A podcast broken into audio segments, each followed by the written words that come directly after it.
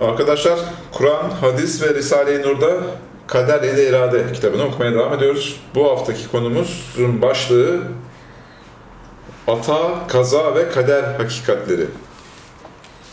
Geçen haftadan devam ile Kader ile alakalı 5 önemli nükte makalesinin A ve B başlıklarını okumuştuk. Bu hafta C başlığımız Ata, Kaza ve Kader Hakikatleri. Hocam C'den devam ediyorum. Buyurun. Bu üç temel kavramı yine sofra misalimiz üzerinden açıklayalım. Mesela kainatta özellikle yeryüzü sofrasında sonsuz bir cemal, güzellik ve nimeti sonuç veren kanunlar, planlar ve takdirler var. Ve bu son derece mükemmel ve güzel sistem içinde genetik, aile ve memleket olarak mükemmel bir kadere sahip insanlar yaratılmıştır. Fakat başta hikmetini bilemeyeceğimiz sebeplerden dolayı o sofrada bazı acı ve güzel olmayan meyveler de var olmuştur. O kaderleri her yönden mükemmel olan misafirlerin bir kısmının da mideleri delik doğmuşlar. İşte bu iki fire durum, yani kaza olmuş, gerçekleşmiş şu iki durum, kainatın o sonsuz bilinç içeren kader kanununu deldiler. Yani o kadere aykırı olarak gerçekleştiler. Sonra hiç beklenmedik bir şekilde sanayiciler gelip o acı meyvelerden harika bir şekilde şifa veren mide, mide ilaçlarını yaptılar. O hastaları iyileştirdiler. İşte böyle beklenmedik bir ikrama da Allah'ın atası, hediyesi denilir. Yani kaza kaderi deliyor, ata da kazayı deliyor. Dolayısıyla e, o telafi mi etmiş oluyor? Telafi etmiş oluyor. Ata ekstra ikram demek. Daha önce kaza kaderin Daha önce kader vardı. Her şey mükemmel olacaktı ama bazı şeyler mükemmel olmadı. Kaza oldu. Kaza kaderi deldi. Sonra da ata geldi, hediye geldi. Allah'ın hediyesi geldi. o da kazayı deldi. Düzeltti yani. Düzeltti. Düzeltti. Dolayısıyla mükemmelliği diye devam ettirmiş oldu. Mükemmellik e, nihai hedeftir. Hmm, güzel. Daha önce kaza kaderin o ilmi kanununu deldiği gibi bu sefer de ata mucizesi geldi. Kazanın o fiziki kanununu kaldırdı. Başka bir tabir ile o kanunu deldi. Nasıl ki müstesna veya nakıs fertler kadar kader ve ilahi düzenin dışına çıkan kaza misalleri vardır. Öyle de kazayı ikrama, nimete, sevaba ve şükre çeviren binlerce ata misalleri de var. Üstad Hazretleri Rumuzat-ı Semaniye Risalesinin 222. sayfasında yayınlanan bir mektubunda mealen şöyle diyor. Cenab-ı Hak bazen büyük bir velinin duasıyla veya başka bir hakkaniyet hakikatiyle ezeli kaderini bile değiştirir. Çünkü o yaptığı takdir ve programlara bağlı kalmak zorunda değildir. Çünkü zorunluluk olsa onun yetkinliğine, uluhiyetine ve kemalatına aykırı olur. Evet, bu sırdandır ki hesap ve anlayış olarak e, doğru olan bazı istihraçlar Bazı gerçekleşmiyor. evcedi çıkarımlar yapılmış ama çıkmamış. O demek ki o kaderdi, yazılıydı. Metne de girmiş fakat çıkmıyor. İşte yani Allah onları değiştiriyor. Neden? Çünkü zorunlu değil, bağımlı değil. Bağımlı değil. Allah kadere bağlı değil. Kaderi çizmiş, plan, proje, düzen koymuş. Biz bağlıyız. Fakat biz bağlıyız. O bağlı değil. O isterse değiştirir onları. İstedik oynayabiliyorsun. Hatta bizden de o kaderi değiştirmemizi istiyor, emrediyor yani. Yani kaderinizi güzelleştirebilirsiniz diye. Orada da bizim cüzi irade de. İrademizi devreye sokup o, o irade üzerinden kaderin değiştirilmesini arzuluyor. Bir nevi yine arka planda o var yani. Yani hedef mükemmellik. Mi? Mükemmel bir sistemin oluşturulması. Bizim elimizi kolumuzu kullanarak onu düzelttirmiş oluyor. aslında. Düzeltilmiş oluyor. İşte sırf bu yetkinlik vasfı içindir ki Eşariler Allah teklifi mala yutak yapabilir. Ne demek hocam? Teklifi malayuta insanın gücünün yetmediği bir şeyi insana emredebilir. Emredebilir. Çünkü hiçbir şey onu kayıt ve sınır altına alamaz. İsterse teklif edebilir ama teklif etmemiştir. İlginç bak. Bu açıklamalar iyi oluyor. Fakat adaleti ve güzel esması gereği böyle bir teklif yapmamıştır ve yapmayacaktır diyorlar. Hulasa eğer kaderden söz ederken maksadımız zaman üstü kader ise bunun için önce sonra gibi kayıtlar yok ki cebir gibi bir algı ortaya çıksın. Hayır. Eğer kastımız zaman içindeki DNA'lar gibi olan kader ise bu değişmez değildir. Dinde bu ikinci kaderin ismi muallak kaderdir. Askılı, şarta bağlı. Şarta bağlı. Çünkü belirli şartlara ve imkanlara göre gerçekleşen e, biyolojik ve sosyolojik kanun ve programlara din kader diyor. Kur'an bu hakikati şöylece ifade ediyor.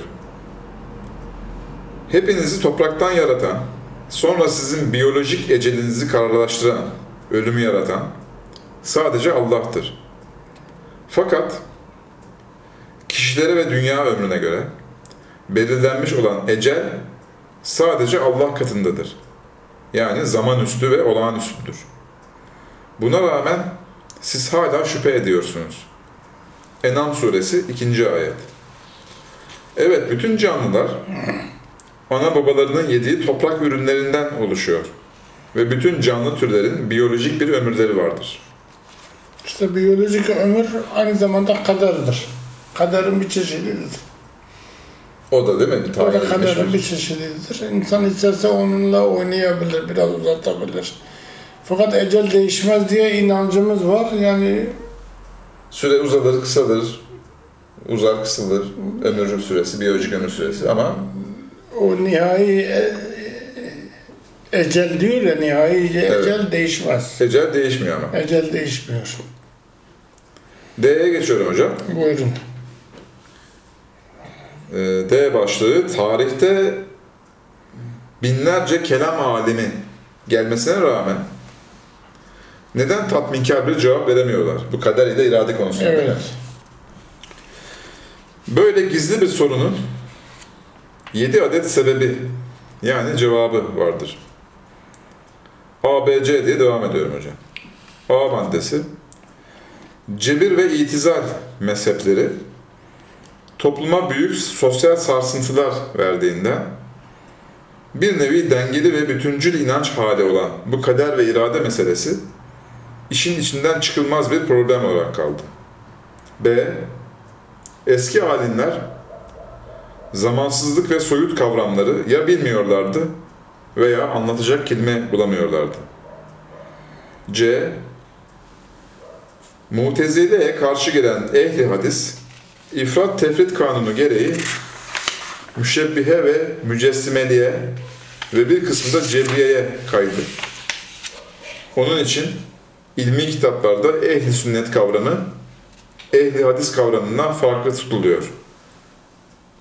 İslam felsefesine giriş Muhammed İkbal'in kitabında bu şekilde izah edilmiş Evet. hocam? Bunu biraz açabilir miyiz? Nedir bu? Şimdi Mutezile'ye karşı gelen ehli hadis, hadis ne yapmış? Hadise göre cebir var. Hadislere göre gidersen cebirle yüzleşirsin. Yani zorlaması var şey. Yani irade yokmuş gibi anlatılıyor hadislerde. Onun için ehli sünnet kavramı ile ehli hadis kavramı farklıdır. Ehli sünnet maturidilerle eşarilerden oluşuyor. Onlar da tevil ederler, hadisleri ayıklarlar, iradenin varlığını kabul ederler, sorumluluğu kabul ederler, insanın kaderini değiştirebileceğini kabul ederler. Fakat ehli hadis evet etmiyor.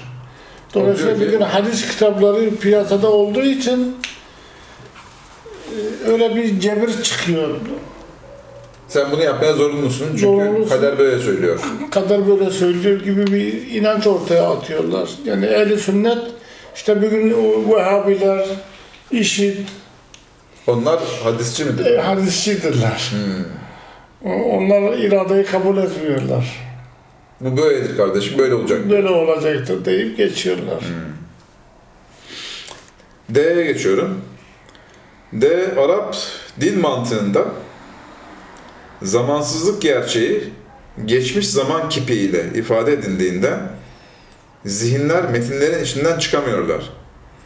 Zamanlar ve sebep sonuçlar birbirine karışıyor. E, kainatın Allah'ın esma ve sıfatı olduğu gerçeği kaybolmuş, ötelerde ezel tünelinin başında somut bir Allah tahayyül edilmiştir. Onun esma ve sıfatları da Arapça veya Süryanice sözcükler olarak anlaşılmıştır.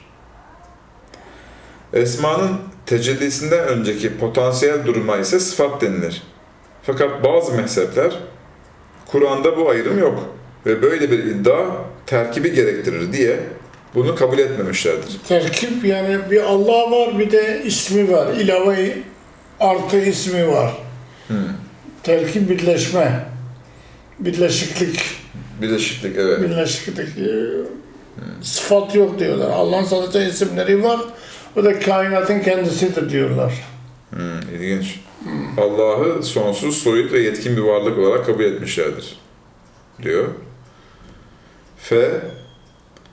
Her kesimin zihin midesi böyle çok boyutlu, soyut ve somut yönleri olan sonsuz gerçekleri hazmedemiyor. İnsanların çoğu göreceli benliklerini ve, ve malikiyetlerini sonsuz bir gerçek imiş gibi hissediyorlar. Dolayısıyla sonsuza ve dışa bakacak olan duygular tersine içe dönmüşler. Ortalık kör döngü olmuştur. Bunu tetikleyen nedir hocam? Bu zihin midesinin e, insanların hazmedememesi. sonsuz Algı ger- meselesi. Yani algı, herkesin algısı kaderi ve iradeyi anlayacak seviyede değildir. Biraz da bu asıra yönelik mi, münhasır bir şey mi yoksa her asırda böyle mi olmuş İşte- herhalde? Yani insan fazla acite edildiğinde benliği sanki kader yokmuş gibi. Bakıyor her şeyi yapabildiğini Her görüyor. şeyi ben yapıyorum, her şeyi ben ediyorum. Bu benim mülkümdür, bu benim tasarrufumdur. Çalıştım kazandım Kazandım işte çalışmasan kazanamazsın falan. gibi. Ha. Bir de o şeyler de var. Dışarıdan gelen sözler de var değil mi bu şekilde? Onların da yetiştirici tarzı falan Yani kaos sanki sistem kaosmuş gibi, karışıklıkmış gibi anlatılıyor. Yetişme çağında özellikle Yetişme sürekli çağı- bu vurgulanıyor. Bu vurgulanıyor. Dolayısıyla sonsuz bir düzeni kabul edemiyorsun seni o zaman. Hmm. O hal meselesi dedi ya, kader hal meselesidir. Vicdanen bilinir. E, Eğitim eğer aksine ise vicdanen bilinmiyor o zaman. Vicdan devre dışı kalıyor. Devre dışı kalıyor. Çalıştığın kadar varsın gibi bir Varsın ortam olgu ortaya çıkıyor. Algı ortaya çıkıyor. Ortalık kör döngü olmuştur. Dedik. G. Tasavvufun ortaya çıkmasının birçok sebebi söyleniyor.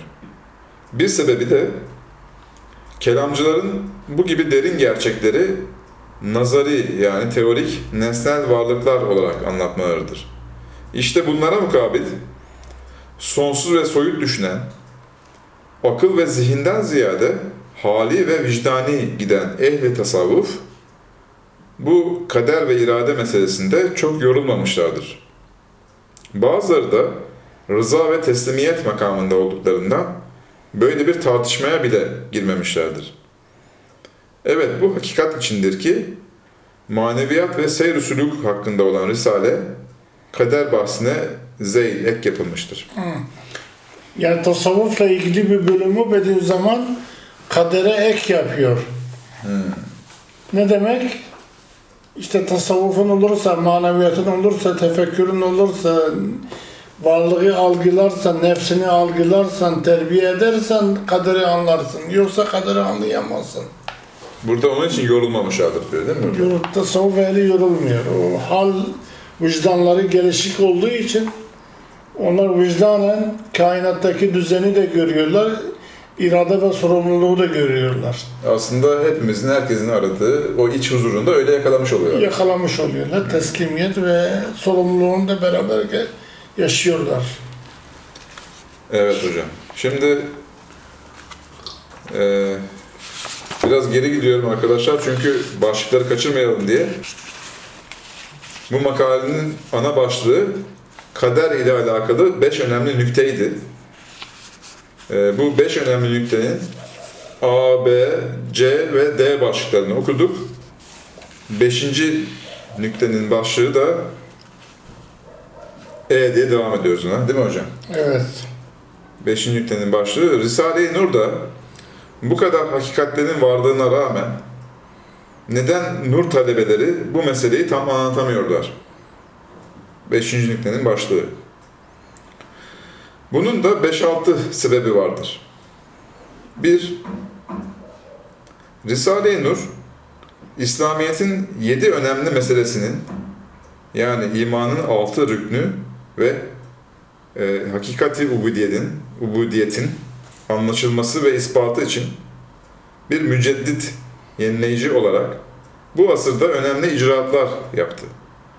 Fakat nur talebelerinin çoğu vakitlerinin çoğunu iman hizmetine vermek zorunda kaldıklarından Risale'nin bu gibi ilmi noktalardaki mücedditliği anlaşılmadı. Cemaat daha çok Orta Çağ'ın tefsir, kelam ve hadis anlayışında kaldı. İkinci sebep, Risalelerdeki tabirlerin çoğu Osmanlıcadır. Cemaat ise o tabirleri son modern kavramlar ile denkleştiremiyor. Risale-i Nur'un birçok ifade ve tabirleri de mantık, belagat ve felsefe yani hikmet müfredatıdır. Maalesef bu müfredatı ilmi manalarıyla bilen kimse çıkmadı. Mesela sözün kuvvetli ve haşmetli olmasıyla beraber güzel ve akıcı olması manasına gelen cezalet kavramını Kur'an hakkında kitap yazan Nur talebesi bir hoca efendi bolluk ve bereket diye açıklamıştır. Başka bir zat da mantık ilminde özne, özne ve fail manasına gelen mevzu kavramını konu diye sadeleştirmiştir. Halkta da böyle değil mi hocam? Yani mevzu. Evet işte bu dil devrimi insanın kültürümüzü şey etti, katletti maalesef. Yani kopukluk var. Kitap bugün elmalı tefsiri var. Sadeleştirildi yani. Dolayısıyla gerçek manasından kopmuş oluyor o zaman. Değil mi? Yani Dil engeli o oluyor, oluşuyor. oluyor, oluşuyor. Dolayısıyla o hakikatlere ulaşılmıyor. Mana tarafına geçemiyoruz. Evet. Üç, üçüncü sebep. Risale-i Nur'un önemli bir projesi fen ilimleri ile din ilimlerini birleştirmek idi. Fakat ehli fen ile ehli medresenin birleşmesi gerçekleşemedi. Evet ayrı kaldılar. Bu ikisini bir buluşturamadılar değil mi hocam? Maalesef işte Medretü Zehra kurulamadı. Öyle bir okul kurulacaktı. Evet. İmam hatipler var, ilahiyatlar var. Fakat onlarda da fen zayıf, dil zayıf. Yani bu Medresetüz e, Zehra projesi Evet. Sarınır'ın önemli bir projesiydi ve gerçekleşmedi. Dolayısıyla eksik kaldı. Sanki sadece bir lokasyona yönelikmiş gibi algılanıyor. Halbuki bu genel anlamdaki Eğitim tarzıydı. eğitim tarzıydı değil mi? Evet.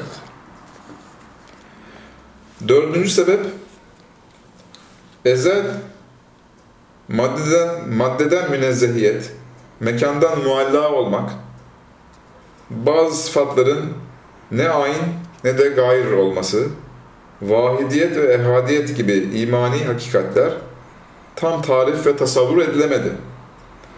Allah ayrı, kainat ayrı ve tamamıyla gayr iki varlık tahayyül edildi.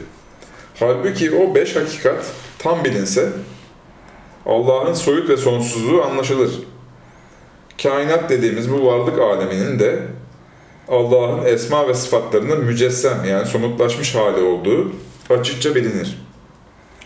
Yani Allah'ın isimlerinin nokta somut tecellileri yani müşahhas olan bu varlıklar ve hakikatlerden her biri eğer sınırlı ve somut ise o Allah'ın gayrıdır. Çünkü Allah sonsuz ve soyuttur. Ve eğer o varlık ve hakikat sonsuz ve soyut ise uluhiyet yani Allah, ehad ve samet gibi hakikatler ise o aynı sayılır. Eğer sonsuz olmakla beraber tecelli ederken sınırlı ve somut olarak görünüyorsa o isim ne aynıdır ne gayrıdır. Biraz açar mısın hocam bunları? Bu biraz e, Üç çeşit- gözüküyor. Allah'ın üç çeşit isimleri vardır. Mesela rızık, rezzak gayr bir isimdir. Çünkü rızık somut ve sınırlı bir şeydir. Tamam. Bir şey sınırlı ve somutsa o Allah'ın dışında bir şeydir. Allah ise sonsuz ve soyuttur. O sonsuz ve soyut olduğu için somutlaşan herhangi bir şey onun dışında mı kalmış oluyor? Evet. Bazı isimler ise Allah'ın aynısıdır. Yani aynıdır. Kendisi bizzat kendisi. Allah, Ahad, Samad gibi. Allah birdir. Birlik Allah'ın temel sıfatıdır. Onun zatıyla özdeştir. Samadiyet yani hiçbir şeye muhtaç olmaması onun zatıyla özdeştir. Uluhiyet yani tapılma, tapılan varlık olması Tamam. onun zatıyla özdeştir. Bu aynı sıfatlardır. Bazı isim sıfatlar ise ne aynıdır ne gayrıdır. Mesela kudret, ilim, irade, hayat bunlar bir açıdan Allah'ın zatının tamamlayıcısıdırlar. Bir açıdan Somut san- dünyada iş görüyorlar bir yandan da. somut dünyada iş gördükleri için gayrıdırlar. Yani Onun Evet. için ne aynıdır ne gayrıdır diyorlar. İki tarafa da bakıyor. Mesela güneşin yedi rengi gibi Hmm. tarif ediliyor 16. sözde. Burada gelecek inşallah. Hmm, tamam. Güneşin yedi rengi ne aynıdır ne gayrıdır. Güneşten ayrı bir şey de değil, güneşin kendisi de değil. Ha, tabii doğru, evet doğru. Ama güneşin kendisi diye bir sıfatı da vardır. Ama bir yandan da o renkler, yedi renk onun içinden çıkmış oluyor. Onun içinden çıkmış oluyor. Ne aynıdır ne gayrıdır, evet. Özellikle, ha burada belirtmişsin hocam. Özellikle kudret, ilim, irade. 16. söze bakınız. Bu sözde anlatıldığı gibi ruhun tecellisi aynıdır. Ruh bir yere yansıyınca aynısı yansıyor. O aynı oluyor. Ruhun tecellisi aynıdır. Aynıdır. Çünkü ruhun mahiyeti ilim olduğundan ve ilim soyut ve dolayısıyla sonsuz olduğundan ruhun tecellisi aynıdır. İşte bir şey soyut ve sonsuz ise o Allah'la aynı oluyor. Mazhar ve makeslerin sınırlılığı işin mahiyetini değiştirmez. Evet, Allah sonsuz soyut varlığın ifadesidir. Rahman, bu sonsuz varlığın kanuni ve düzenli tecellisinin ismidir. Rahim ise bu varlığın özel ve mucizevi tecellilerinin ismidir. Dolayısıyla sınırlı ve somut varlıkları bu sonsuz ve çok boyutlu ilahi varlık ile eşit tutmak, nakıs ve eksik bir inanç şeklidir. Neuzubillah. Eğer o sınırlı ve somut varlığı Allah'ın o sonsuz varlığından müstakil ve yetkin olarak görse, o şirk ve küfürdür. Onu ayrıca bir şey gibi tayin edin. Hmm. Üstadın vahdetül vücut inanç biçimine karşı fazlaca hassas durmasının bir sebebi de bu iki tehlikedir. Sonsuz ve yetkin varlığın değerini bilmemek ve şirke girme tehlikesinin hemen kenarında durmuş olmak. Bu 16. sözde başta ilim, kudret ve irade olmak üzere yedi sübuti sıfatın ne ayn ne de gayr olduğu vurgulanıyor. Evet, hiç düşündünüz mü? Bu sonsuz enerji ve kudretin ve bu enerji hamuruna sonsuz bir ilim ile sonsuz bir düzen ve plan veren, sonra onu adeta sonsuza dek geliştiren hakikatin ismi nedir? El cevap Allah, Rahman ve Rahim. Bu üçü bir arada olunca Yani Allah hem soyuttur hem somuttur hem de olağanüstü icraatlar yapar. Olağan düzen kurduğu gibi. Dolayısıyla sistemi o şekilde. Sistemi o şekilde Kapsamış oluyor. kapsamış oluyoruz. Soyut artı somut artı olağanüstü durumlar. Evet hocam. Ee, beşinci sebebe geçiyorum. Nur talebeleri İslam hakikatlerini anlamak için Risale-i Nur'daki 7000 ilmi anahtarı kullanamıyorlar. Mesela Kaderin Şifresi adlı bir çalışma ezel kavramını yine geçmiş zaman olarak okumuş manzara aladan bakan ayna temsilini maddi ve mekansal olarak anlamıştır. Ve maalesef kitabın çoğu Emevi cebriyeciliğinin dayanakları olan yanlış rivayetlerle doldurulmuştur. Ayet ve hadislerin mealleri nur mesleğine aykırı olarak motomot verilmiştir. 10. bölümde bu gibi rivayetlerin bir kısım tahlilleri gelecektir. Ezel kavramını geçmiş zaman olarak değil de zamansızlık olarak mı? Zamansızlık olarak algılamak lazım. Bir an. O kader zamansızlık ve kavlu bela gerçeğinde bu gelecektir haftaya inşallah. Tamam hocam. Çok teşekkür ederim. Ben teşekkür ederim. Arkadaşlar izlediğiniz için teşekkür ederiz. Haftaya görüşmek üzere.